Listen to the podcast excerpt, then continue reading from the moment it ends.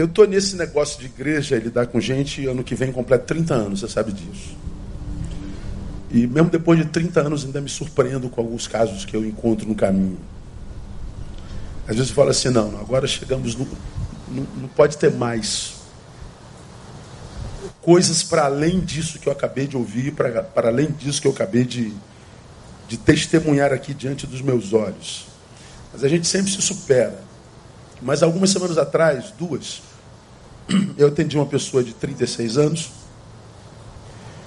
que foi acometida por uma doença que não foi detectada, que atrofiou seu corpo todinho. Ela perdeu massa muscular, ela perdeu tudo, o corpo dela atrofiou. Mas quando se faz os exames, nada tem naquele corpo. Tem nada. Ela não tem uma doença degenerativa, não tem. O diagnóstico diz que ela está perfeita. Então os médicos não entendem como é que ela definiu. Estão todos dizendo, é psicossomático, é psicossomático, é psicossomático, só pode ser. Pediram para atender, eu atendi. E pela misericórdia de Deus, irmãos, a gente descobriu junto que o que adoeceu ela foi uma palavra dito a ela quando ela tinha 17 anos de idade. Ela está com quase 40. Uma mentira dito a ela. Uma palavra que veio como uma flecha do diabo. Que a alcançou e ela abraçou aquilo como sendo verdade. E essa palavra mentirosa dita a respeito dela, que embora mentirosa foi abraçada como verdade, desconfigurou a sua existência completamente atingiu a sua alma, seu coração, seu afeto, chegou ao seu corpo. Eu não acreditava naquilo que eu via diante de mim. O poder da palavra. Como Deus sabia do poder da palavra, Ele nos precavendo, Ele nos ensinou que ah, nós daríamos conta de cada palavra fútil que nós produziríamos. Né? Não, é o, não é o texto, Mateus 12, 36. Ele diz assim: Digo-vos, pois, que de toda palavra fútil que os homens disserem, hão de dar conta no dia do juízo. Veja só, esse texto para mim é muito forte, porque a gente produz milhares de palavras por dia, todo dia. Algumas conscientes, algumas inconscientes, algumas racionais, outras absurdamente passionais. Ele está dizendo: não interessa a razão pela qual você a produziu, todas elas estão sendo registradas em Deus, e no dia do juízo, diz o Senhor, cada um de nós vamos dar conta de cada palavra. Você imagina quantas palavras, irmãos, a gente produz numa vida inteira? O que o texto está dizendo é que nenhuma palavra que a gente libera fica solta na nuvem. Ela está sendo registrada por Deus e em Deus, de alguma forma. E ele diz que no dia do juízo, porque a Bíblia fala sobre o tribunal de Deus, né? Nós vamos ser chamados, Neil Teixeira Barreto. Minhas palavras vão ser colocadas diante de mim. E o texto diz: Porque pelas tuas palavras serás justificados, e pelas tuas palavras serás condenado. Está lá em Mateus 12, 36 e 37. Então, nenhuma palavra que eu libero é vento. Toda palavra que eu libero é semente. Todas elas voltarão para nós. Nem que seja no dia do juízo. Por cada uma delas, eu sou absolvido para a eternidade ou condenado na eternidade. Você imagina como é que vai ser a condenação dessa geração, irmão? Tanta futilidade, tanta intromissão, invasão, pervasão, essas coisas todas. Imagina, ah, meu Deus do céu, o juízo será sem misericórdia porque não tem misericórdia. Essa menina adoeceu por uma palavra. Todavia, embora a palavra tenha poder, ela exercerá poder no sujeito para quem ela foi dirigida, a proporção da saúde atual desse mesmo sujeito.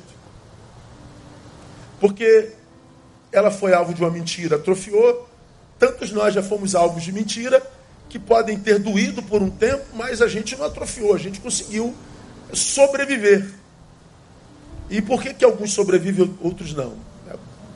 A partir da saúde que você tem, da visão que você tem de si mesmo.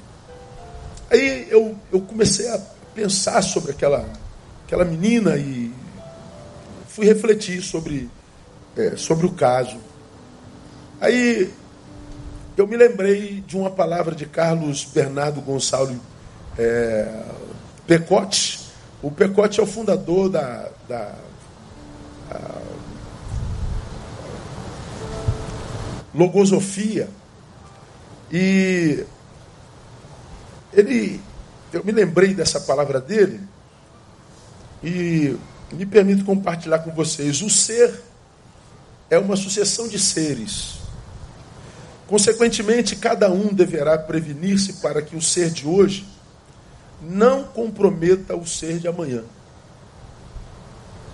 Nós somos uma sucessão de seres. O que eu sou hoje é diferente do que eu fui ontem, e de anteontem, e de ante de anteontem, e tudo mais. Consequentemente, o ser que eu vou ser amanhã não é mais esse que eu sou hoje. O ser de amanhã já será um ser de posse do saber dessa palavra, palavra que nós não temos hoje. Então amanhã a gente acorda um pouco mais enriquecido. Ah, você pode ter ouvido palavras de desgraça hoje, que vai fazer com que amanhã você seja um outro ser diferente desse. Então, ele, Pecote, ele diz, o ser é uma sucessão de seres. Consequentemente, cada um deverá prevenir-se para que o ser de hoje não comprometa o ser de amanhã. Essa palavra me veio, a, a, eu, eu, li isso há tantos anos atrás, mas tantos anos. Não é, a, não é uma, a logosofia não é uma palavra que, não é uma matéria que me, me apeteça, mas eu, eu me lembrei quando vi a história daquela menina, ou seja, aquele ser que recebeu a palavra comprometeu todos os outros seres que ela poderia ter sido. Os seres que sucederam naquela menina, o ser que recebeu aquela palavra maldita, foram absolutamente comprometidos. Ela perdeu década de vida. Então o, o autor diz assim, Neil, ah, seja hoje de tal forma porque você é um ser sucessivo, que você não comprometa aquele que você vai ser amanhã, que você não atrapalhe suas possibilidades amanhã. E, na minha concepção, algo que tem comprometido seres hoje, ao ponto de atrapalhar o que ele pode ser amanhã, são palavras liberadas no seu entorno. Como nesse mundo da mídia, nesse mundo da internet, nesse mundo da, da liberdade da fala, nesse mundo da conexão, desse mundo da, da, da, da invasão, como que palavras têm alcançado seres que, porque não estão bem consigo mesmo, veem os seres possíveis serem comprometidos por anos.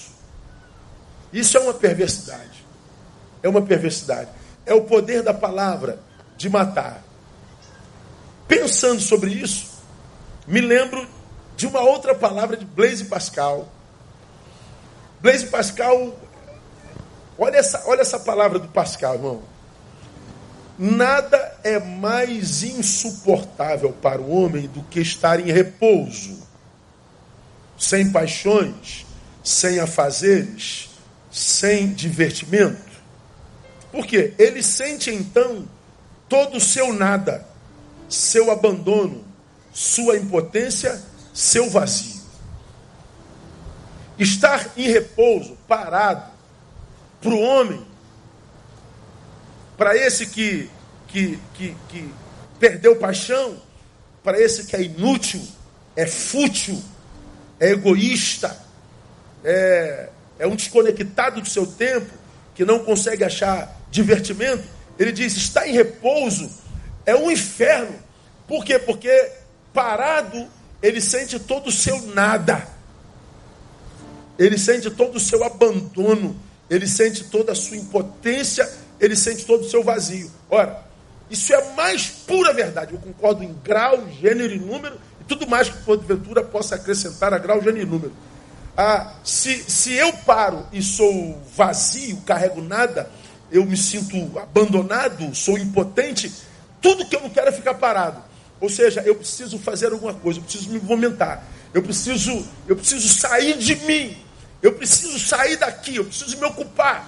Porque se eu estou em repouso, eu me encontro com o meu nada, eu me encontro com a minha impotência, eu me encontro com o meu vazio, e o que me sobra é uma vida insuportável. Pois bem, eu acho que esse tempo é um tempo de gente vazia, fútil.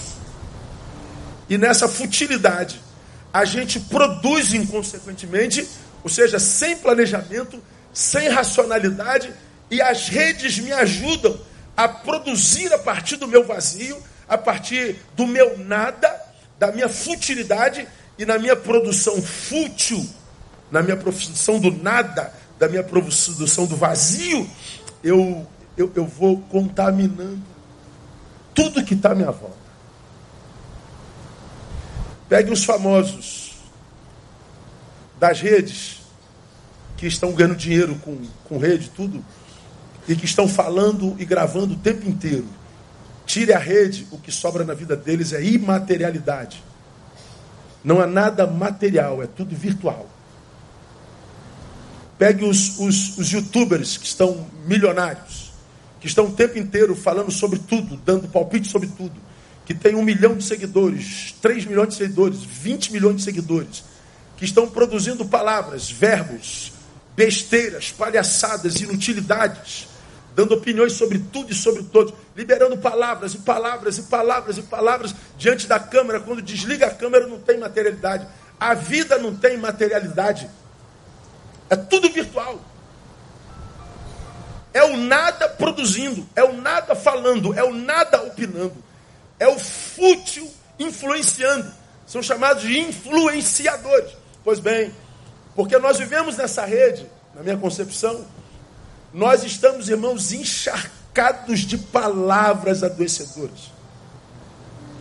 Nós estamos contaminados por, por vírus verbais que agindo nas almas, nas mentes e corações humanas, tem arrancado dessa gente a capacidade de viver uma vida materializada, de fato, de verdade, porque são contaminados por esse nada, por esse vazio, por essa impotência. Como eu me tenho encontrado com gente vazia, irmão? Adoecido, não sabe a causa. É, é bastante assustador. Por que isso, irmão? Porque se você que é vazio produz palavras e encontra vazio em mim, a sua palavra produzida do seu vazio acha lugar em mim.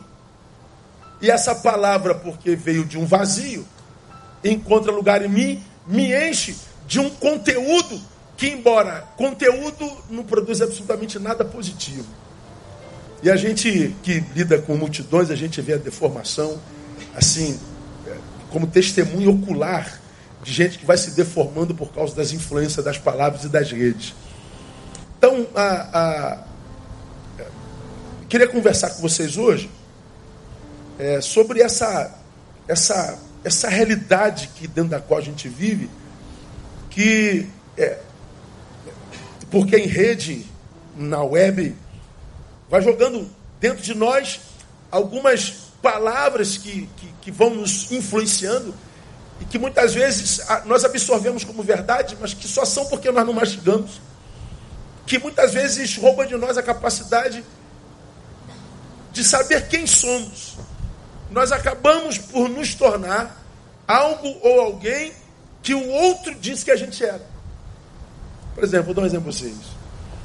Hoje é muito comum, hoje é, faz parte da natureza do homem transmoderno é, querer aparecer, visibilidade. Não é? Como é regra, então está todo mundo produzindo, produzindo, produzindo, produzindo, produzindo, produzindo, todo mundo quer ser visto, todo mundo quer ser likeado. Então você vê meninos pequenininhos já é, influenciadores, crianças, curta, curta, curta, siga, siga, siga, siga, siga, siga. E as criancinhas têm que estar produzindo, produzindo, produzindo. E quanto mais curtição ela tem, mais demanda ela tem. Mais presa a quem likeou ela tem. Essa menina, é, esse menino está na época de jogar bola, de brincar de boneca. Está na época de, de, de, de ser criança. Mas aqui ela já está produzindo, às vezes influenciado pela mãe e pelo pai. Porque a gente quer promover nossos filhos, a gente quer fama, a gente quer like, a gente quer ser no outro. Como quem diz, eu não suporto ser só para mim, eu preciso ser para você. Eu preciso que você me veja. Eu preciso existir para você, para que existindo para você, a minha existência seja suportável. Porque se você não notar a minha existência, a minha existência se torna insuportável. Se você não, não, não, não, não perceber a minha existência, eu, é como se eu me encontrasse com o meu vazio. E eu não suporto, eu preciso ser para você. Pois bem, essa criança vai crescendo, crescendo, crescendo. Ela se vê presa à produção desde a infância, perdeu a infância e de repente perdeu também o direito de ser aquilo para o que ela nasceu. Porque ela foi empurrada por esse negócio, por um maior. Eu tenho ouvido corações de alguns influenciadores gigantes desse país e tenho sido testemunha de como que é, diante da câmera a gente a gente grava bonito, sorrindo, influenciando, bbb, depois que desligo que sobre angústia. É a mentira. Vocês que acompanham têm visto alguns é, influenciadores de milhões que estão sendo descobertos na sua mentira, dizendo da sua angústia, confessando sua mentira. Né? É, por exemplo, na rede agora você, você bota qualquer vídeo de YouTube, aparece aqueles 30 segundinhos de anúncio. Né? Agora todo mundo te ensinando como é que você fica milionário com, com, com ações. Chega a ser chato, cara. Ganha um milhão em três meses. Ganha não sei que, quantos milhões. E, e todo mundo quer ganhar dinheiro fácil, né, meu? Aí tu fica olhando aqueles caras, será que esse pessoal está tudo milionário mesmo? A gente não acha ninguém, mas aí está tudo milionário. Aí apareceu uma tal de Betina, não sei se acompanharam. Betina, de não sei quantos centavos, fez um milhão e não sei quantos dias. Depois viram que foi tudo mentira. Tudo mentira. Pouca verdade é ali. Mas a palavra foi liberada, não foi? Foi. Encontrou alguém. Influenciou alguém. Para pior ou para melhor. Essa, essa forma verborrágica tem adoecido uma geração inteira.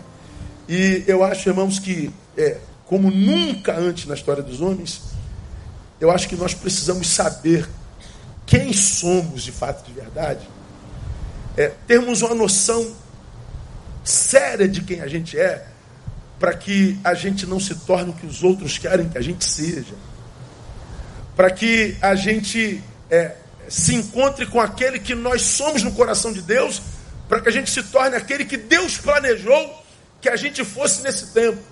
Como eu tenho dito aos irmãos, eu nasci no dia 1 de agosto de 1966. Embora eu tenha nascido no dia 1 de agosto de 66, Deus já tinha projeto para mim no dia 20 de outubro de 2019. Porque eu estou preso a esse cronos, esse é, dia após dia. Deus não. Deus está do alto no seu aion, numa outra perspectiva, diante dele está passado, presente e futuro, de modo que em Deus, eu que estou em processo, nele eu já estou todo pronto. Nele eu já nasci, nele eu já morri, nele eu estou em transição. Ele está vendo o que, é que eu estou fazendo com a minha vida. Então, quando Deus me criou, Ele escreveu a minha história, e Ele sabia de mim todos os dias, como diz o Salmo 139. Aí a, a, nossa, a, nossa, a nossa ideia é: quando Deus me fez dia 31, o que ele planejava para mim no dia 20 de outubro de 2019? Será que é isso aqui mesmo? Quando Deus formou você, que está aqui me ouvindo, o que Deus planejava para você no dia 19 de outubro de 2019, é isso mesmo que você é hoje? Olha para a sua vida e responda para si. Sendo Deus quem é, perfeito e bom, teria ele, no dia do teu nascimento, a intenção de que você, no dia de hoje, fosse exatamente o que você é? Você acha que a vida que você vive hoje, você acha que o que você é hoje, é exatamente o que Deus sonhou para você no dia de hoje? Ou cada um sabe da sua vida, não é? E o que eu quero dizer nessa noite aqui, é, se você não é, há uma possibilidade enorme de não sê-lo por causa de tantas palavras que entraram em você e deformaram teu ser, tua forma de pensar, tua forma de enxergar, desconfigurar o projeto original de Deus. A palavra dos homens exerceram mais influência em você do que a palavra de Deus. E as vidas foram desconfiguradas. E qual o problema da desconfiguração da minha vida? Como você já aprendeu aqui repetidas vezes. Porque quando eu me torno uma coisa que eu não sou, eu deixei de ser aquilo que em essência sou. Como que Deus tem para mim? Tem para mim e não naquilo que eu me torno quando me deformo. Quando eu me deformo, o que Deus tinha para mim é quase que como anulado. É como se minha vida estivesse entregue à própria sorte. A gente diz, meu Deus, não é possível que Deus esteja vendo na minha vida. Não é possível que Deus esteja vendo o que, é que eu estou passando. Não é possível que Deus tenha planejado isso para mim. De repente não planejou mesmo, não. Talvez você tenha sido tão deformado, deformado, deformado, com tantas palavras que entram e saem de você, com tanta opinião a seu respeito o tempo inteiro, com tanta invasão alheia em você, que chega uma hora que você já não sabe nem mais quem é. Você não se sabe. Você é uma folha ao vento, para onde sopra, você vai. Você está perdido na vida, no mundo, não sabe nem onde está, não sabe absolutamente nada de si, e a frustração é com Deus. Deus está dizendo, filho, eu não tenho nada a ver com isso. É o poder da palavra. Aí eu queria levá-lo a Atos capítulo 21 a história de Paulo parece que não tem nada a ver com o que eu estou dizendo. Mas eu vou tentar fazê-lo entender. Principalmente você que está aqui, que sinceramente diz ao pai: Poxa, pai, eu, eu, eu, eu nem reclamo da vida que eu tenho, sabe? De repente é você. Mas eu tenho a nítida sensação que não é isso que, eu,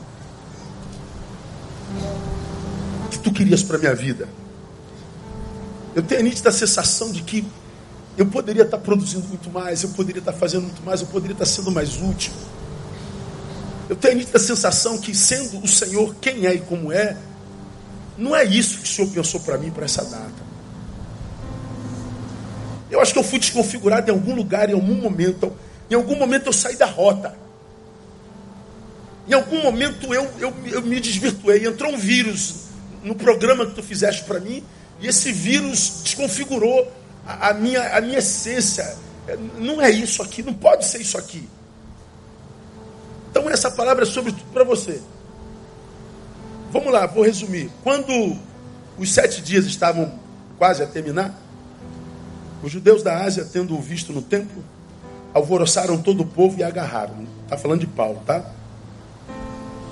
Exclamando, varões israelitas, acudi. Este é o homem que por toda parte ensina a todos contra o povo. Está falando de Paulo, hein? Contra a lei e contra este lugar. E ainda, além disso, introduziu gregos no templo. Tem profanado esse santo lugar, porque tinham visto com ele na cidade a Trófimo de Éfeso e pensavam que Paulo o introduzira no templo. Alvoroçou-se toda a cidade e houve ajuntamento do povo. E agarrando Paulo, arrastaram-no para fora do templo e logo as portas se fecharam e espancaram Paulo. Eu vou tentar, tentar situar o, o, o que está acontecendo aqui. Só para lembrar você, acho que você já sabe. Paulo era um perseguidor da igreja. Vai vendo. E consentiu na morte não só de Estevão, mas segundo historiadores, de centenas, quiçá, milhares de cristãos. Até que ele se converte na estrada de Damasco, você se lembra disso? Ele estava perseguindo cristãos e ele vê, tem uma visão e ouve uma voz e diz: Saulo, Saulo, por que me persegues? E ele diz: Senhor, quem és? Eu sou a Jesus a quem tu persegues. Bom, Paulo cai do cavalo, aquela coisa toda, você conhece a história. Ananias o pega, o leva para a cidade. Quando o pessoal vê Paulo chegando com Ananias, a cidade, os cristãos da cidade ficam desesperados porque o perseguidor chegou. Ananias diz: Não, esse cara se converteu, tal. Paulo se converte de fato e verdade, ele deixa de ser Saulo, passa a ser Paulo, e ele então começa a pregar o evangelho de Jesus que ele seguia. Ele era fariseu, judeu formado aos pés de Gamaliel, perseguidor dos cristãos, agora se torna um deles. O que, que acontece? O sistema que ele servia veio como um bicho em cima dele. O sistema odiava Paulo quando Paulo vai a Jerusalém, e olha que Paulo vinha de uma viagem missionária, ele passou por dezenas de cidades, e quando ele chegou a, a, em Tiro, disseram para ele, em Chipre, disseram para ele, Paulo, não vá para Jerusalém, você já quase foi morto lá, e não é bom que você vá até lá. Ele insiste em ir para Jerusalém, aí aparece um, um profeta chamado Ágabo, que tira o cinto de Paulo, amarra o braço de Paulo e diz assim: Paulo, o Senhor diz que assim será amarrado o dono dessa cinta se voltar para Jerusalém. E o arrastarão pela cidade. Bom, Deus revela a Paulo que, ele ia passar. E Paulo, ao invés de fugir de Jerusalém, ele entende que tem que ir para Jerusalém. Então, ele é amarrado mesmo, ele é arrastado, ele é preso, ele é espancado. Paulo é trucidado. Ele não foi morto, a, a, a, porque chegou o centurião e salvou a vida dele. O leva preso. Paulo é preso, Paulo é levado para o Sinédrio. Lá no Sinédrio ele tenta explicar que ele não, não, não, não produziu nada de profanação no santo lugar. Ele conta a história da sua conversão. Ele mostra que ele continua sendo judeu. Ele mostra que ele continua sendo fiel às escrituras, mas ele reconhece Jesus como Senhor. Bom, o sumo sacerdote Ananias fica com raiva de Paulo e manda os soldados bofetear Paulo. Paulo ganha outro soco na boca. Paulo reage e diz assim: O Senhor te ferirá a parede branqueada. Parede branqueada é você está sendo influenciado por terceiros. Parede branqueada, ou seja, o que você jogar nela pega, cola. Então está dizendo você é um frágil de, de, de caráter, você é um frágil de, de, de personalidade. Aí Paulo não sabia que ele era sumo sacerdote, ele retira o que disse, e aí Paulo é mais uma vez é, abusado, porque ele conta para os fariseus que ele está sendo condenado porque ele acredita agora na ressurreição. Os fariseus não acreditavam na ressurreição e os saduceus sim. Então dividiu o sinédrio. Então o sinédrio não quis tocar em Paulo. Não toque em Paulo. Descobriram que era judeu. Não toque em Paulo. Bom, Paulo volta para a cadeia e aí Paulo, sofrendo na cadeia, planejam matá-lo. Aí mandam Paulo para o governador Félix. Félix interroga Paulo para saber que tipo de pecado, que tipo de crime, que tipo de, de desordem esse homem é, é, é, praticou. Félix interroga Paulo e diz: Olha, não há nada nesse homem. Eu não posso tocar nesse homem. Mas também não teve coragem de soltar Paulo para não ficar mal com, com o Sinédrio. Nesse período, Félix acaba o seu mandato, entra Festo.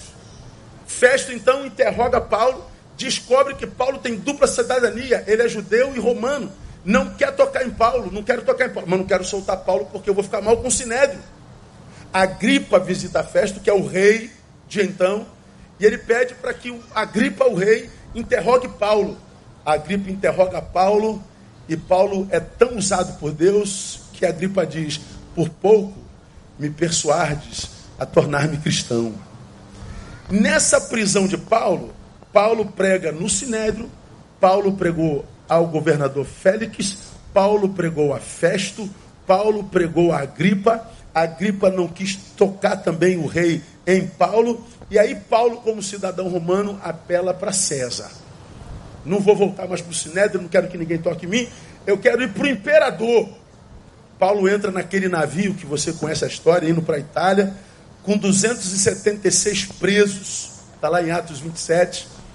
O barco vai a pique, ah, todo mundo se salva pela intervenção de Paulo, bate na ilha. Na ilha, Paulo é picado pela cobra, e o nego diz: Pô, esse cara é pecador mesmo, ele escapa do mar e vai morrer picado de cobra. Bom, mas ele não sentiu nada, parece que quem morreu foi cobra, né? O cara era bom. Ah, Paulo então é cultuado como Deus. Bom, resultado Paulo foi parar diante do imperador. E por causa da sua injusta prisão, Paulo chegou a pregar o evangelho diante do imperador. Se você ler Atos dos Apóstolos, eu queria convidá-lo a fazer isso na sua casa, de 21 a 27. Veja a história de Paulo, como Paulo apanhou, como Paulo foi maltratado, como Paulo foi a, a, sofreu atentado de morte, como Paulo aparentemente foi abandonado pelo Senhor. Como disseram mentira como Paulo. Traidor, é, é, é, é levantador, é, é, gente que, que, que se levanta contra a lei. tudo foi é, feito como Paulo. Paulo passou pelo que eu provavelmente não suportaria 10%. Ele se transformou para uma cidade inteira algo que ele não era. A cidade o toma, o lança no chão e espanca. Eu falei, meu Deus, nada do que estão dizendo sobre esse homem é verdade. Mas porque a cidade abraçou aquilo como verdade, Paulo está sendo espancado, Paulo está sendo violentado, Paulo está sendo chutado, Paulo está sendo chicoteado, Paulo está sendo preso, Paulo está sendo vilipendiado. E eu pergunto, Deus, tudo em torno de uma mentira. Como que Paulo, irmão, suportou uma ambiência tão hostil? Leia o texto quando você chegar em casa. Quanto sofrimento, meu Deus, por causa de uma mentira, por causa de uma palavra de um, um sumo sacerdote religioso, por causa de um religioso mau caráter. Como que uma palavra de um homem pode me transformar nisso que eu não sou e sofro a proporção dessa mentira? Como que a vida do cara foi tão desconfigurada por causa de mentira? Como que Paulo suporta? Pois bem, primeiro, é aqui que eu quero entrar com os irmãos. Paulo suporta tudo que dizem sobre ele, porque Paulo sabia absolutamente quem era, irmão. Eu sei quem eu sou. Eu gosto de São Paulo. Como quem diz, é, você pode falar uma coisa de mim, você pode falar de mim, você pode falar de mim, vocês podem falar de mim, vocês podem dizer o que quiser, e eu posso até sofrer o dano da mentira que dizem sobre mim. Me batam, mas eu sei quem eu sou. Então podem bater, podem produzir justiça, mas eu sei quem eu sou. Esse autoconhecimento, irmão, livra Paulo de ser alcançado na sua alma. Paulo teve a sua liberdade caçada, Paulo teve seu corpo dilacerado, Paulo teve amizade perdida, Paulo certamente foi tirado da sua família, Paulo foi para outra nação, Paulo foi arrebentado. Mas uma coisa linda acontece no capítulo 27, quando ele está naquele navio, irmão, cheio de bandidos que estavam sendo levados para a Itália para serem é, é, é, condenados e mortos.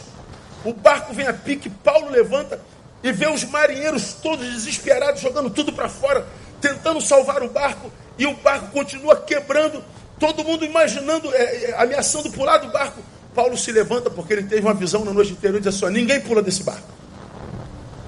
O meu Senhor disse que ninguém aqui se perde. Os marinheiros dizem: O que, que você sabe de mar? Eu não sei nada, eu sei de Deus. E sei o que eu sou nele. Bom, o barco chegou a Malta. O barco quebrou todinho. Mas ninguém se perdeu. Paulo estava no meio de bandido. Paulo estava sendo injustiçado pela palavra de uma cidade inteira, pela palavra de uma religião inteira. Mas Paulo não deixou de ser o que ele era na presença de Deus: um adorador, um abençoador e um servo do Deus Altíssimo. De modo que, mesmo estando nessa condição contrária ele prevalece. O fizeram rebelde, incitador, bandido, fizeram dele um condenado. No contexto do texto, a, a, a verdade que Paulo vivia não era sua, era dos outros. Tudo que disseram sobre ele prevaleceu. Mas porque Paulo sabia quem era, mesmo entre bandidos ele foi bênção. Ou seja, mesmo na ambiência contrária, ele permaneceu sendo quem era. O que, pastor? Um abençoado. Quando essa palavra me vem, eu me lembro da menina que eu atendi. Meu Deus, dos 17 aos 37, 20 anos. Vivendo as consequências de uma mentira, as consequências de uma palavra. E aqui, do auge dos seus 30 e alguns, presa nos seus 17, a um ato do, do, dos 17 anos. Porque no ano 17, ela não teve só uma palavra maldita, ela teve palavra de bênção. Ela teve palavra de vitória, ela foi abraçada. Ela praticou esporte, ela estudou. Mas por que, que uma palavra desconfigurou tudo? Por que, que a ação de uma pessoa desconfigurou tudo? Porque a palavra da pessoa maldita é mais poderosa do que a palavra da pessoa bendita? Não. é porque ela não sabia quem era, ela não tinha certeza da sua identidade. E aqui no auge dos 30, ela diz: Eu estou assim desgraçadamente por causa daquele desgraçado que liberou aquela palavra sobre mim. E lamentavelmente a gente tem que dizer: Não, não é verdade. Não é verdade. Não é a palavra do maldito que te fez isso. É, o que te fez isso foi a visão que você tinha de você, quando aquele maldito disse aquilo a teu respeito. É a visão que ele tinha de você, não. Era a visão que você já tinha de você. Então, toda vez, meu irmão, que eu me encontro com alguém que não consegue curtir o que é, não consegue celebrar o que é, não consegue celebrar o momento que vive, e esse alguém transmite sua culpa a quem quer que seja, eu não consigo, por amar a vocês, não dizer a verdade. Não é o que o outro disse. É porque aquilo que o outro disse, fez, encontrou eco no que já te habitava. E o que ele disse despertou o que você já pensava sobre si, de modo que o que você já pensava sobre si inconscientemente se tornou a tua verdade. E você passou a viver, portanto, uma mentira. E porque passou a viver uma mentira, que é verdade só em você, você começou a lutar contra o inimigo equivocado, contra aquele que te disse, contra aquele que te fez, contra aquele que te traiu, contra aquele que te apunhalou pelas costas, contra aquele que agora você odeia. Só que não é ele o seu inimigo, o seu inimigo é você mesmo. É a visão que você tem de você.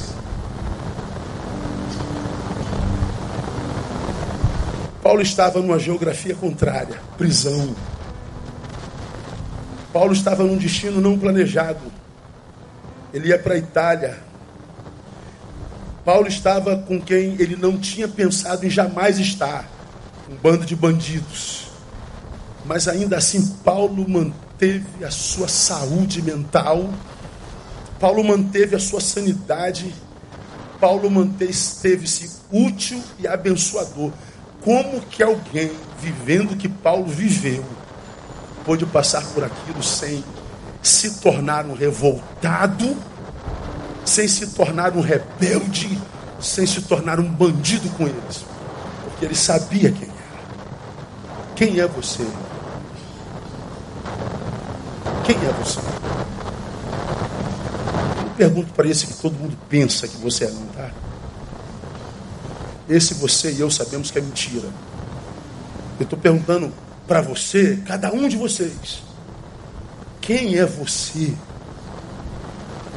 O que que de fato você pensa sobre você? Esquece essa mentira do Facebook, essa desgraça que tem acabado com a vida dessa geração, transformado essa gente numa gente fútil, tola e mentirosa, hipócrita, que sobre a qual Deus tem dificuldade de agir porque não há verdade ali, que te rouba inclusive de si mesma, de si mesmo. Chega uma hora que você não sabe mais quem você é. Quem é você de fato de verdade? E olha que esse negócio de autodefinição não é fácil. Eu falo isso na nossa reunião de transferência. Mas, embora não seja fácil, é absolutamente necessário. Veja como é que não é fácil, irmão. Vamos imaginar. Só para exemplificar. Imaginar que eu pergunte para você: quem é você? Kátia. Eu sou a Kátia. E é mesmo, ela é a Kátia. Pense comigo. A minha pergunta foi: quem é você? Qual foi a resposta dela? Kátia. Pense. Kátia seria a resposta certa para qual pergunta? Qual o seu? Qual o seu nome? Kátia. Resposta certa, não é certa? O que, que eu perguntei ela primeiro? Quem é você? Eu não perguntei nome. Essa é uma resposta certa, mas para uma outra pergunta. Porque você é mais do que um nome. Quando você nasceu, você já era. E não tinha nome. Verdade? Mas se a gente quem é você? Eu sou a Kátia. Casada? Não, isso é seu estado civil. Sou mãe do Lu? Não, isso é seu estado existencial, você é mãe. Eu moro na rua, não, esse é seu endereço. Eu sou, eu, eu faço, não, essa é sua profissão. Identidade número, não, esse é seu número. Eu moro na rua, não, esse é seu endereço. Eu não estou perguntando nada disso, eu estou perguntando quem é você. Aí você pensa assim, pô, se eu não posso responder nome, endereço, estado civil, eu respondo o quê? O que, que eu sou? Quem é você, cara? Se eu não sei quem sou, o Wagner diz assim: Você é um idiota, Neil. É possível que eu acredite nele e me torne um idiota. Ou o Paulinho pode falar: Neil, você é o cara. Você é o super cara, né? você é o tal. Eu acredito no Paulinho. O que, que acontece? Eu vou viver como idiota, porque o Wagner disse que eu sou idiota, ou eu vou viver como o cara, porque o Paulinho me disse que eu sou o cara. Sendo o cara ou o idiota, eu sou um, uma farsa, do mesmo jeito, eu sou uma mentira. Só que eu não sei que eu sou uma mentira, porque eu acreditei no que disseram a meu respeito. Aí o Paulinho que me disse que eu sou o cara, eu vou, faço uma palestra e arrebento. Eu sou o cara mesmo, cara. Eu jogo uma pelada, faço 10 gols, sou o cara mesmo. Hein? Ou então Wagner diz que eu sou idiota, eu vou fazer uma prova de matemática, tirei 5. É, eu sou idiota mesmo, eu sou idiota mesmo. Eu vou me tornando algo que não tem absolutamente nada a ver comigo. Está dando para entender, não? Nada a ver comigo. Ah, mas eu me tornei um idiota porque o Wagner disse que eu era idiota. Não, eu me tornei um idiota porque eu não sabia quem era. Ah, mas o Paulinho disse que eu era o cara, agora eu estou quebrando a cara aqui. O Wagner não, é porque eu acreditei que, que eu era aquilo que o Paulinho disse. Por que, que eu acreditei? Porque eu não sabia quem eu era. Nesse mundo invasivo, onde todo mundo fala sobre todo mundo, onde nós encontramos, pasmem, com especialistas em nós. Esse não é isso. Gente que quer te dizer como que você tem que ser, como que você pode vestir, em quem que você tem que crer, em quem que você tem que votar, de que lado você tem que ser, o que que você pode, o que que você não pode. Irmão, nas eleições do ano passado foi uma loucura. Tem os irmãos de esquerda de Betânia. Tem os irmãos de direita de Betânia. Aí vinha um de direita, pastor, só tem que trazer o Bolsonaro aqui. O senhor tem que trazer Bolsonaro. Bolsonaro é o Messias desse país. Ele vai, ele, vai, ele foi na barra. É, me, me, pediram para vir aqui. Pediram, não, não, convidei, me pediram. Eu não deixei. Aí, tem que trazer. O, o, os da esquerda me pararam e falaram assim, pastor, o senhor tem que falar contra esse fascista. O senhor tem que. Eu falei, meu Deus, eu, eu trago o Messias, ou eu falo contra o fascista. Jesus, o que eu faço, Jesus amado? Um diz que ele é o Messias. Não, porque o Lula é livre, o Lula é o anjo Gabriel, não sabia de nada. Jesus, meu Deus. Aí você diz assim, ó, é igreja. Aqui é outro assunto. Aí tu apanha do Bolsonaro e do Lula. Você entendeu como é que é a coisa? E aí o Bolsonaro fica com raiva, o lulista fica com raiva. Por quê? Porque eu não torci para time nenhum. E porque você não torce para time nenhum, eles acham que você não torce. Ele acha que você não é brasileiro. Aí Neil, o isentão. O isentão. Não. É, eu só sei quem eu sou. É diferente. Saber-me, ou sabermos-nos a nós mesmos, quando você se sabe, sabermos quem somos, somos, é, e de fato, de verdade, nos livra de algumas desgraças. Primeiro, da desgraça de nos tornarmos o que nós somos no coração dos outros. Nem o visto amarelo. É, me dá aqui o amarelo, o amarelo é cor do Não, não, visto vermelho. Eu vou, eu vou botar o vermelho. Não, bota vermelho e amarelo. Então, peraí. Eu quero usar verde, dá licença? Não, eu quero andar sem camisa, dá licença? Oh, mas você vai apanhar, vai apanhar. O problema é deles. Paulo foi posto num navio cheio de bandido. Paulo foi posto numa cela. Paulo foi espancado por uma cidade. Paulo foi desconstruído no coração de muitos seus discípulos. Paulo sofreu muito mais do que ele, do que, do que eu poderia sofrer, e ele permaneceu fiel. Ora, é só nós olharmos a história. Mas por que, que Paulo suporta? Porque ele sabia quem era. Quando eu sei quem eu sou, quando você sabe quem você é, você está livre da desgraça de ser o que os outros querem que você seja. Você está livre da opinião alheia. Você está livre da ditadura da opinião alheia. E é essa ditadura da opinião alheia que tem matado uma geração inteira, gente competente, gente cheia de potencial e dom, mas deprimido porque disseram que era feia, disseram que era gordo, disseram que era magra, disseram que era isso. E você se, se, se, se apequenou por causa da opinião alheia. Por que, que a opinião alheia, essa bendita ou maldita opinião alheia, exerce tanto poder sobre você? Porque você não se sabe.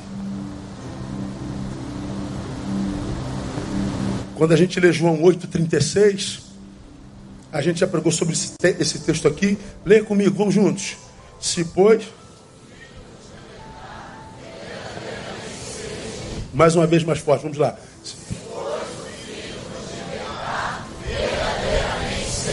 Se ele fala de uma verdadeira liberdade, existe uma falsa. A verdadeira é multidimensional. A liberdade, da qual o texto fala, não é só libertação, libertação da perdição eterna. Não é libertação do inferno apenas ela vai para além disso. Se fosse só isso, seria pouco. Há alguns falam assim: ah, a gente precisa falar mais da salvação, salvação, salvação, salvação. Olha, irmão, no nosso contexto carioca, quem não sabe que Jesus disse: Eu sou o caminho, a verdade e a vida? Quem é que não sabe que Jesus é o caminho para salvação? Tem uma igreja, uma do lado da outra, parede com parede, em cada esquina, em cada rua. Todo mundo sabe que Jesus é caminho para o céu. Mas alguns crentes têm que falar de salvação, salvação, salvação, salvação, porque salvação na cabeça deles é a libertação do inferno. Pastor, vamos tirar a gente do inferno. Tá bom. A gente tira do inferno eterno. Ah, tem inferno na terra? Tem gente vivendo vida infernal? Tão infernal que quer se livrar desse inferno mesmo sabendo que provavelmente vai parar naquele inferno? Tem, não tem um monte? Tem gente que vive um inferno tão grande aqui que dá fim à própria vida, mesmo correndo o risco de ir para o inferno de lá. Esse inferno aqui é temporário, o de lá é eterno. Mas ainda assim, o inferno temporário é tão grande que tem pessoas que optam pelo inferno eterno. Tem que pregar salvação, tem que pregar salvação. Pois é, se salvação fosse só salvação da eternidade, ora, meu irmão, a gente aceitava Jesus e ia para o céu. Não, mas não é só. Porque no Evangelho, é, conhecer Jesus é conhecer um caminho e não um destino. Dá para entender isso? Vamos imaginar que o meu destino seja a Andréia, meu céu. Tá linda, né? Fala a verdade. Tá, tá gostosa, tá magnífica. Ah, está. Meu Deus do céu. Ô glória. Meu destino é Andréia. Ok. Meu destino está liberado. Agora, qual o caminho para lá? Pois é, Jesus não é o destino, ele é o caminho. Quando eu me encontro com Jesus, eu não cheguei no céu, eu encontrei o caminho para lá. Só que até chegar ao céu, há um caminho a trilhar. A salvação me livra de não chegar no destino, ou seja, no inferno, mas também me livra do que acontece no caminho até lá. Portanto, a salvação me livra da perdição eterna, mas a salvação me livra de você e me livra de mim. E antes de me livrar de você, a palavra diz que me livra de mim. Porque ele está dizendo: Olha, eu achei Jesus, achei o caminho para o céu. Mas Jesus diz assim: ó, Antes de começar a me seguir, filho, você tem que fazer uma coisa. Quer vir após mim? Negue-se a si mesmo. Livre-se de si. Coloque o teu eu no seu devido lugar. Mas, Senhor, por que eu tenho que me livrar? Eu estou em ti mesmo. Eu estou no caminho. Eu estou em Jesus de Nazaré. O que é o meu eu para me atrapalhar? Não, meu filho.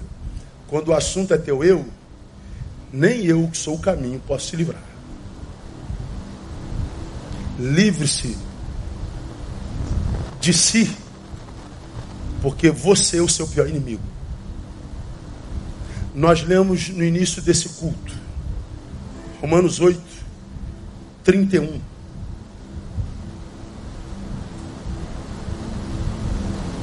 Finalzinho lá, lá, lá para o 38, 39, bota aí. Olha só o que, é que nós lemos. Leia comigo. Porque estou certo de que nem a morte, nem a vida, nem anjos, nem principados, nem coisas presentes, nem futuras, nem potestades, nem altura, nem profundidade, nem qualquer outra criatura nos poderá separar do amor de Deus que está em Cristo Jesus, nosso Senhor. Você acredita nisso, amém ou não? Nada nos poderá separar do amor de Deus, a não ser eu mesmo. Há em mim, em você, uma banda que diz assim: Eu quero seguir a Jesus e me tornar o filho no qual ele tenha mais prazer no mundo. Eu quero que Jesus olhe para mim e se emocione com a minha vida. Não tenho ser em você que gostaria de dar muita alegria para o Pai? Amém ou não? Pois é. Mas há um outro ser que não deixa você se tornar naquele. Vive te empurrando para o outro lado, para uma outra banda. Eu falei, meu Deus, Senhor, eu sei que não é aqui, Jesus. Me ajuda. Jesus, o Senhor está dizendo que eu tenho que amar, mas eu quero apertar o pescoço dele, Senhor. Eu quero dar uma surra nesse safado, Senhor. Mas tu diz que eu tenho que amar. Senhor, eu queria muito amar, tu sabe, tu conhece. Eu queria muito amar, vou matar esse desgraçado, Senhor. Mas eu, é, é, é, aquela luta entre nós e o si mesmo que não, que não quer morrer em mim. A, a, o novo ser diz assim: perdoa. O, o velho ser diz assim: nunca o velho ser, o novo ser diz assim: abre mão. O velho ser se apega. E, Pô, mas eu, eu, tenho isso aqui há tanto tempo. Mas o outro lado de larga. Pois você está naquela luta. Carne, espírito. Para eles, lutando. Jesus está assim: bota teu no seu dedo, vença-se. Para que a nova criatura possa te dominar. Essa salvação me livra de mim dessa área em mim que quer me levar para longe da sua vontade, dessa área em mim que quer que eu seja refém da minha vontade, não da vontade dele. Então a salvação me livra da perdição, me livra de mim e me livra de você, que está sempre se metendo na minha vida, que está sempre se metendo na vida dos outros, que está sempre se metendo, que você não pode, que você não deve, não devia ser assim, devia ter dito, devia ser, meu Deus, o que, que eu faço? Não interessa. Quando você vive salvação nessa tridimensionalidade, então você está livre, verdadeiramente livre, porque todas as nossas angústias vêm dessas fontes. Vem de dentro uma luta em mim que me, me, me, me estimula a ser honesto, a ser gentil, a ser decente, a viver uma vida que, que, que, que faça valer a pena o sacrifício do meu Pai e do Cristo. Mas por outro lado, há um ser blasfemo em mim, há um ser obsceno em mim, há um ser vingativo e indiferente em mim, que me empurra para o outro lado, e essa luta toda, a salvação me livra de mim.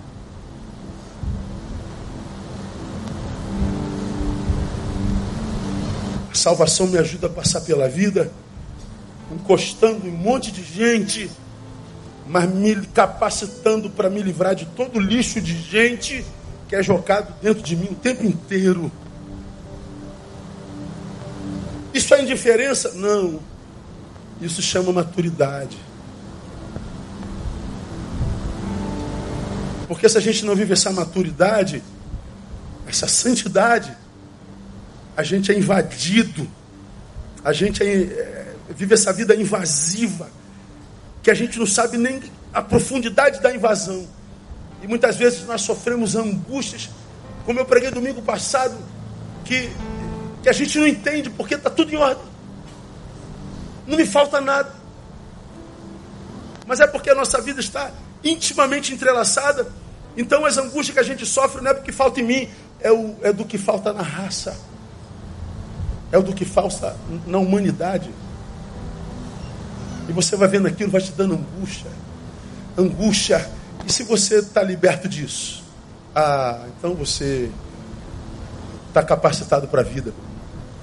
Saber-se te livra da desgraça de se tornar o que você é no coração dos outros. Quando eu estou livre do coração dos outros, da vontade dos outros, da opinião dos outros, os outros vão continuar se metendo na sua vida, na minha vida, na nossa vida. Mas o único ser no qual eles podem tocar é naquele ser que eles criaram para si.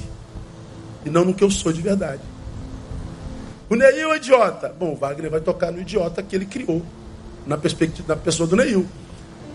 O Neil é o cara. É o cara, então Paulinho vai tocar no cara que ele criou, mas não em mim. Então ambos imaginam estar tocando no Neil. Nenhum dos dois está certo. Porque o Neil está livre da opinião de ser o cara do Paulinho e o Neil está livre de ser o idiota da opinião do Wagner. Quem está entendendo, diga glória a Deus. Isso é salvação.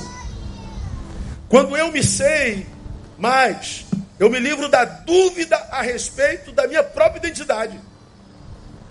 Porque eu estou livre do Wagner, eu estou livre do Paulinho. Eu estou livre do que todo mundo diz a meu respeito. Então, se eu estou desconectado disso, eu tenho tempo para mim. Eu tenho tempo para viver. Examine-se, pois, o homem a si mesmo. Eu tenho tempo para me retirar. Sem que você seja carregado dentro de mim. Eu tenho tempo para minha solitude e para pensar sobre a minha própria existência. E pensar sobre a minha existência sem a contaminação do outro. Pô, ele disse que eu sou idiota. Ele disse que eu sou gorda. Ele disse que eu sou burra. Ele diz que eu sou grosso. Ele diz que eu sou. Ele diz que eu sou. Pô, então você se retirou, mas levou todo mundo dentro de você, não adiantou nada.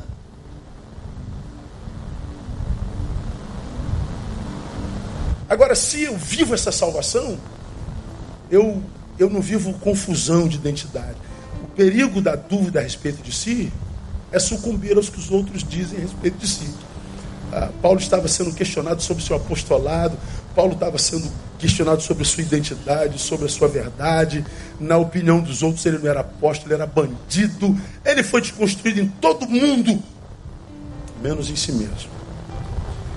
Ele continua crendo no seu chamado, ele continua crendo no seu apostolado, ele continua crendo na obra de Deus na vida dele. Ele sabe o que, que viveu na estrada de Damasco. E sim, a, a minha geografia é toda contrária mas eu estou saudável em mim. Como é que Paulo vive isso, irmão? É em Deus. Como que Paulo suporta uma geografia tão contrária? Segundo, Paulo sabia quem era em Deus. Primeiro, sabia quem era. Segundo, quem era em Deus. Portanto, ele sabia Aleluia. Quem o salvou na estrada de Damasco, irmão? Ele sabia quem o vocacionou. Paulo está caminhando em Damasco, Atos 9. Parece um clarão, uma voz, irmão. Ele cai do cavalo. A voz vem do alto, ele não sabe quem é, quem é, quem é, quem é. Eu sou a Saulo, quem te persegue, tu és, sou Jesus que te persegue. Paulo fica cego temporariamente. Desesperado, calma, alguém vai te pegar aí, vai te levar em tal lugar. Então a conversão de, de Paulo, de Saulo, foi fenomenológica. Não foi uma palavra de um pastor pregado, não. Veio uma voz do céu. Ele ficou cego. Ele caiu do cavalo. Ele ficou, foi conduzido pela mão. Ele foi humilhado. A, a, para Paulo se converter, irmão, tinha que ser desse jeito.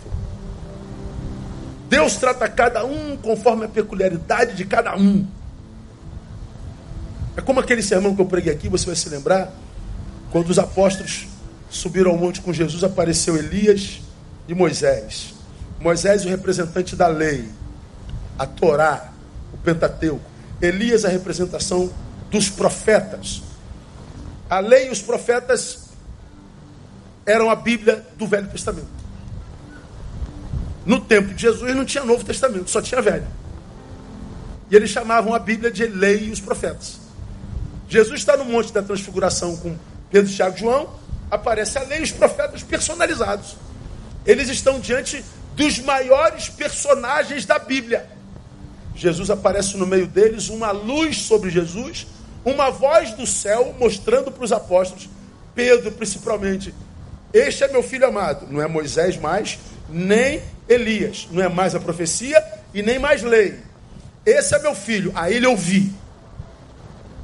Pedro fica estarrecido ao ver a lei, o evangelho e a profecia. Diante de si diz: Vamos fazer três cabaninhas aqui, vamos ficar aqui para sempre. Não, filho. Isso aqui é lugar de passagem. Monte é lugar de passagem. Experiências fenomenológicas, lugar de passagem. Milagres é de passagem.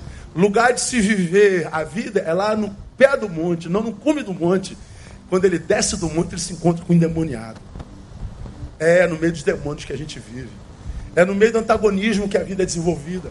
É no meio da rejeição. É, na meio, é, é no meio dos diabos humanos e dos diabos infernais. É lá, Pedro, que a gente se desenvolve. Por que, que Elias e Moisés teve que aparecer? Porque para a missão que foi dada a Pedro, pastorear os apóstolos da igreja, tinha que ser assim traumático. Hoje não. Hoje é pela palavra. Paulo sabia quem era em Deus, e saber quem é em Deus, primeiro implica dizer que você crê que é Ele quem te justifica. Quando eu creio nisso, eu lembro de Romanos 8,33, onde o próprio Paulo escreve: Quem intentará acusação contra os escolhidos de Deus? É Deus quem justifica. E olha que Paulo foi condenado, Paulo foi acusado Paulo foi condenado, mas ele está dizendo: não tem problema, a justiça dos homens me condena, mas eu estou justificado em Deus. Ele está dizendo que a justiça de Deus em mim me mantém saudável mesmo diante das injustiças dos homens. Então, escute você que está aqui, irmão, como vítima da injustiça humana. E achando porque a justiça humana te alcançou, a justiça de Deus não está sendo feita. Paulo está dizendo: olha, os homens são injustos mesmos. A vida é injusta. Mas Paulo está dizendo: embora eu viva num mundo injusto, os efeitos da justiça de Deus falam em mim mais alto do que a injustiça dos homens. E Paulo, embora não pudesse fazer nada contra a justiça da sua sociedade, Paulo foi liberto das sequelas dessa justiça. A menina que eu citei no início foi injustiçada por uma palavra, perdeu 20 anos de vida. Ou seja, ela foi injustiçada pela palavra dos homens, mas ela não conseguiu se libertar da sequela dessa justiça. Porque não se sabia. Então, ao invés de você envidar esforços hercúleos, supra-humanos para tentar mudar a sociedade, para tentar mudar comportamento alheio, tenta crescer em Deus e saber-se Tenta descobrir quem você é nele, de fato e de verdade. Procure eh, se retirar de quando em vez. Desliga o celular um dia e gaste um tempinho consigo mesmo. Você consegue ficar um dia sem celular? Acredite. Por mais incrível que isso possa parecer, você vai sobreviver. Você sabia que já existia gente antes do fenômeno rede social? Quem é antes da internet aqui? Levanta a mão. Gente, como é que vocês sobreviveram a isso? Como é que vocês sobreviveram sem o Waze? Hein? Com guia Rex? Tu ia lá para Belfor Roxo pregar? Com guia Rex na mão? Parando em cada esquina para perguntar se conhece onde é a rua tal? Rapaz. Como é que você sobreviveu a isso? Pois é, nossos filhos não acreditam que era possível viver sem isso. É possível viver nem que seja para que você dedique um dia a si mesmo, para que você possa se pensar, para que você possa se analisar, para que você possa se descobrir, para que você possa se salvar, para que você deixe de ser um produto da projeção alheia, para que você deixe de ser um produto dos especialistas em você Gente que acha que sabe mais de você do que você mesmo. E eles vão opinando sobre sua vida e você vai tentando aquecer as opiniões dele. E aí acaba se perdendo nesse mundo de opiniões que não servem para nada. Paulo é, sabia quem era em Deus, então é, ele sabia quem o justificava. E dizer isso também implica dizer que você crê incondicionalmente na sua palavra. Paulo diz lá em Romanos 8, 28, e sabemos que todas as coisas contribuem juntamente para o que, irmão? Para o bem daqueles que amam a Deus, daqueles que são chamados segundo o seu propósito. Então Paulo está dizendo, Senhor, tu estás a ver o que eu estou passando. Estou, Paulo, tem propósito. E o propósito era chegar a César. E Paulo no caminho foi pregando para todo mundo.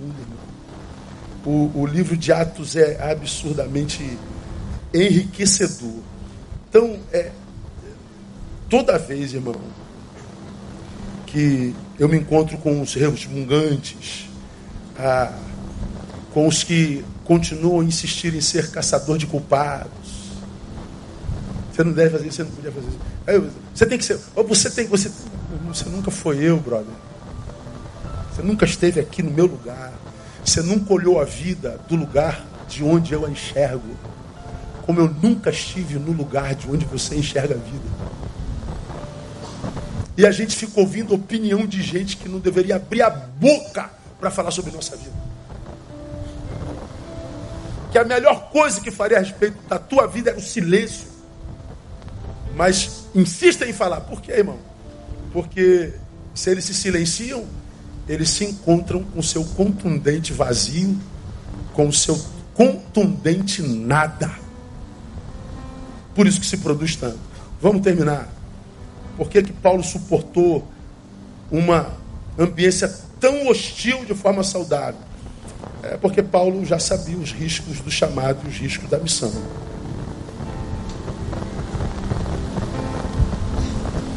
Vamos ver se você sabe de cor. Não mandei para lá não. Repita comigo, ou não fale comigo. Vós não escolhestes a mim, mas eu vos escolhi a vós, para que vades e deis fruto, e o vosso fruto permaneça. Vamos juntos o texto todo, para quem sabe? Vós não escolhestes a mim, mas eu vos escolhi a vós, para que vades e o vosso fruto permaneça que, que esse texto está dizendo? Que nós somos eleitos. Não foi você que escolheu Jesus, Jesus escolheu você. Você o quis porque ele te quis primeiro, diga glória a Deus. Isso é maravilhoso. O que, que Deus vê em mim e você para nos desejar tanto é um mistério. Que tem dia que eu estou querendo me matar, e tu também, né? Ah, mas ele é apaixonado por você e por mim. Fazer o quê? Tu está odiando porque a barriga cresceu, porque está acima do quilo, 10 quilinhos acima do peso. Você está querendo morrer porque está desempregado. Você está querendo chutar o balde porque o cabelo está caindo. Você está se odiando. E Deus está dizendo, eu gosto tanto de você, gordinho. Ô magrela, te amo tanto, menina. Ei, feio. Ô, tem lugar para os feios no reino do céu também, boba. Ei, deprimido. Ô, deprimido, ninguém te quer porque você é chato. Ô, Amo a tua chatice, filho meu. Você é filho meu, eu te amo. Meu projeto para você continua de pé. Não desista de si, porque eu não desisti de você. Eu amo isso, Jesus, cara. Toda vez que eu penso em desistir, irmão, né? Meu Deus, ele não desistiu de mim. E aí eu lembro a história do povo de Israel. O povo, meu Deus do céu, o povo está lá, em, lá no Egito, 430 anos, no cativeiro danado, desgraçado.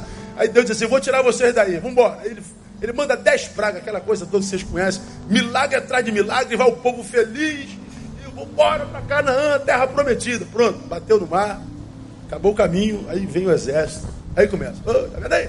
Aí. Foi ouvir Moisés, esse pastor de vagabundo aí, ó. E ouvindo Deus, negócio de, de religião. Aí, era melhor estar no Egito vivo do que morto aqui na beira do mar, né?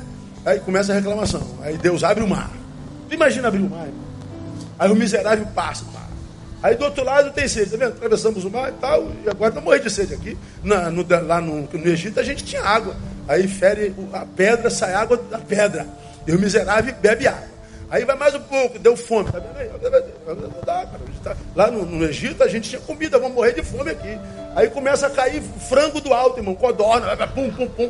De onde vem frango, meu irmão? Tá caindo, come, miserável. Aí mais na frente, ele reclama de novo. Ó, oh, tá vendo aí? aí comeu ontem, mas tô com fome. Parece pão, pão da terra. E o miserável vão reclamando até lá. Eu falei, Deus, é... eu se eu fosse Deus, eu ia ser o diabo mesmo. Ah, sabe aquele redemoinho de fogo? Eu ia queimar aquele povo todinho. Na, na primeira murmuração eu queimava aquela raça toda. Mas Deus continua amando. Deus continua fazendo milagre. Deus continua. Deus, tu, tu és Deus mesmo. Entenda a tua paciência, porque a gente não tem paciência com a gente. A gente não tem paciência para esperar em Deus. A gente desiste da gente. Escuta, irmão, irmão, irmã amada. A gente desiste da gente. Deus não. Deus não desistiu de você. Me ajuda, catuca alguém e fala: Deus não desistiu de você.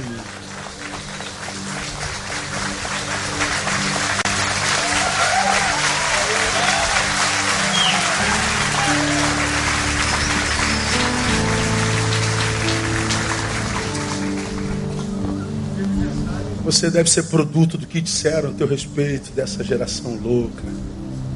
Que dizem que você tem que ser famoso, tem que ser magro, tem que ser bonito, tem que ser inteligente, tem que ser o raio que parta. Você tem que ser quem você é em Deus e pronto, irmão. Tenha coragem de se enxergar como você é. Ah, sim, eu queria, eu queria ter nascido pastor louro com olhos verdes. Tá? Eu nasci preto, irmão. Acabou. Não tem jeito. É assim que eu sou. E graças a Deus, porque sou preto. Sou marrom, sou amarelo, sou branquelo, sou gordo, sou. Deus me fez assim, o que eu posso fazer? Então eu tenho que é, amadurecer para curtir o, que eu sou. Acabou. Ah, não, mas eu queria, eu queria ganhar o que ele ganha, não ganha, não. Eu queria estar no lugar dele. É, se tu soubesse a história dele para chegar até onde está, você desistiria do lugar. Você não sabe o que ele fez para chegar ali. Então, se quer estar no lugar igual dele, começa a fazer a partir de hoje o que ele fez para estar tá aqui. Você vai estar tá lá, na frente do lugar dele. Então, ou a gente, irmão, mergulha na realidade para transformá-la, ou vai continuar como, como, tantos homens velhos, irmãos, que vivem de fofoquinha, que vivem de, de, de intromissão na vida alheia, vive é, é, como analista de feitos alheios. Porque aquele irmão faz assim, aquela irmã faz assim, aquele pastor faz assim, aquele líder faz assado. Ele é um parasita, não faz nada para ninguém, só fofoca. Mas ele está sempre falando da vida dos outros, porque falar da própria vida não há nada que se falar é inútil. Agora, quando você cresce, irmão, e tem uma história para a qual você olha, e você vê essa história atravessada pela graça de Deus, a despeito de ser atravessada pela graça de Deus, você vai ver nessa história um monte de quedas, monte de cicatrizes, um monte de dores, um monte de adversidade mas você vai ver também um monte de superações, de soerguimentos, de milagres, de recomeços, de ressignificações. E a vida é exatamente assim. Porque quando eu me encontro com Jesus, eu me encontro com o caminho. No caminho, porque me encontrei com Ele, eu me encontro comigo, eu sei quem sou. Então, é, Paulo sabia da missão, e ele não abriu missão, mão da missão por causa daquilo que ele passaria na missão. Então ele está livre do risco de dizer não ao chamado. O texto diz que Paulo era fariseu, Paulo era doutor da lei, consagrado à sua religião, e exatamente por isso ele poderia ter deixado de obedecer o chamado na estrada de Damasco. Porque ele tinha status, ele tinha regalia, ele tinha reconhecimento. Mas ele diz: Não, eu achei algo maior, que a minha vocação. Enquanto é, fariseu, eu fui o que os outros quiseram que eu fosse. Mas agora em Deus eu já sei o que eu sou e serei, e vou pagar o preço de selo. E quando você banca a vida e, e, e o preço para ser quem você é, é verdade, você perde muita gente, é possível que você perca muitas coisas. É possível que é possível que os seus seguidores te abandonem, que seus amigos te abandonem, que a plateia que te aplauda diminui. Mas eu vou te dizer, se o céu te aplaudir, você tem todos os aplausos que precisa. Porque a mão do Todo-Poderoso é a mão do Altíssimo. Então você não vai abandonar a missão por nada, nem pelo status, nem pelo conforto possível, ou pela autopreservação, você não vai é, se corromper, nem pela popularidade. Paulo se tornou o homem mais popular do universo.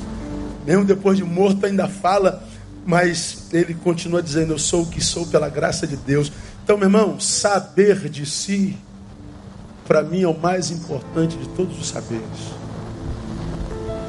Me livra da desgraça de ser o que falam a respeito de mim. Como eu não posso calar a boca de ninguém, então eu sei que vão falar de mim até eu morrer. Aliás, depois que eu morrer, vão continuar falando de mim também muito tempo. Mas vamos louvar ao Senhor, porque embora falem de mim e de você, nada do que eles falaram mudaram que você é em Deus. Você teve a coragem de ser em Deus para Deus. E porque foi, passou por essa vida louca, insana, injusta, incólume. Por quê? Porque o Senhor resolveu te abençoar, porque você teve coragem de ser quem você é. Então se livre da desgraça de ser refém dessa cultura midiática mentirosa e hipócrita. Pastor, você odeia? Não, não odeio não. Isso aqui foi a melhor ferramenta que o ser humano já inventou. Inventou. Eu estou aqui pregando em, em Realengo, Sulacap. Tem gente na China me ouvindo sendo abençoado. Tem gente em Londres me ouvindo, sendo... tem gente na Irlanda me ouvindo agora sendo abençoado.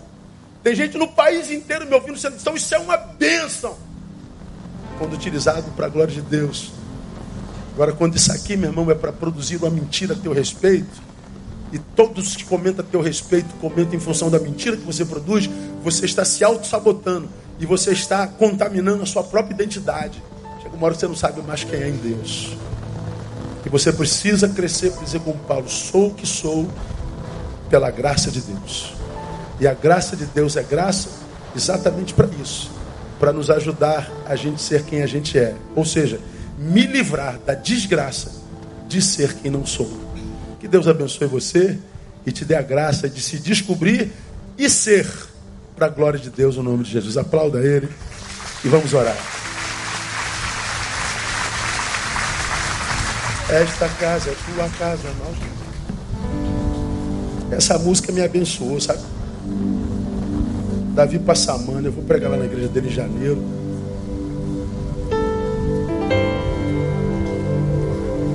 Ficar em pé. Eu, se fosse você, eu não saía. Esperava o cafezinho de Deus. Mas você é você, você faz o que você quiser.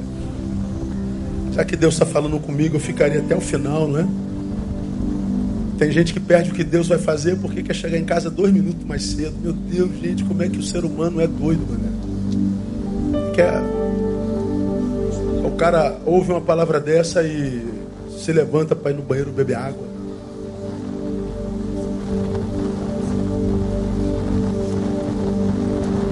Essa música que a gente vai cantar, casa. A casa é sua.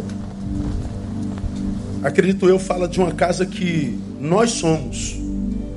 Porque Deus, Criador do universo, poderia escolher morar em qualquer lugar. Ele poderia morar em Búzios, né? Pontal do Atalaia, em Arraial do Cabo, ele poderia morar numa das ilhas de Angra dos Reis, na bacia de Angra dos Reis. 260 ilhas, quanto é lugar lindo, né? Podia morar em Veneza. Mas ele escolheu morar aonde? Me diga você. Diga, em mim. Esse corpo feio aí, irmão. Esse ser problemático. Esse ser desistente. Deus escolheu morar em você. Diga glória a Deus. Oh, meu Deus do céu. Pode aplaudir. Meu Deus. Mas vezes ele chega a tanta coisa morando dentro da gente, irmão. Tanta mágoa, tanta tristeza, tanta mentira alheia. A menina com 17 anos carregou uma mentira por 20 anos. Deus, você acreditou mais na palavra daquele homem do que na palavra de Deus. Faça isso contigo. Se tem que ser habitação de alguma palavra, seja habitação da palavra de Deus. E não da palavra desse fofoqueiro, do seu vizinho, do seu patrão, da sua amiga, do seu amigo. Seja habitação da palavra. Então, eu queria encerrar essa noite, irmãos. Temos cinco minutos orando essa canção. Nós vamos dizer para ele, Senhor, você é bem-vindo aqui, a casa é sua. Pode entrar, me esvazio de mim, me esvazio de mim. Passa a letra. Sopra teu vento aqui Toma teu trono aqui. Vem reinar, nós queremos te ouvir, nós queremos te ouvir. essa casa é sua casa. Nós deixamos ela para você, Jesus. Aplauda ele, vamos adorá-lo. Aleluia.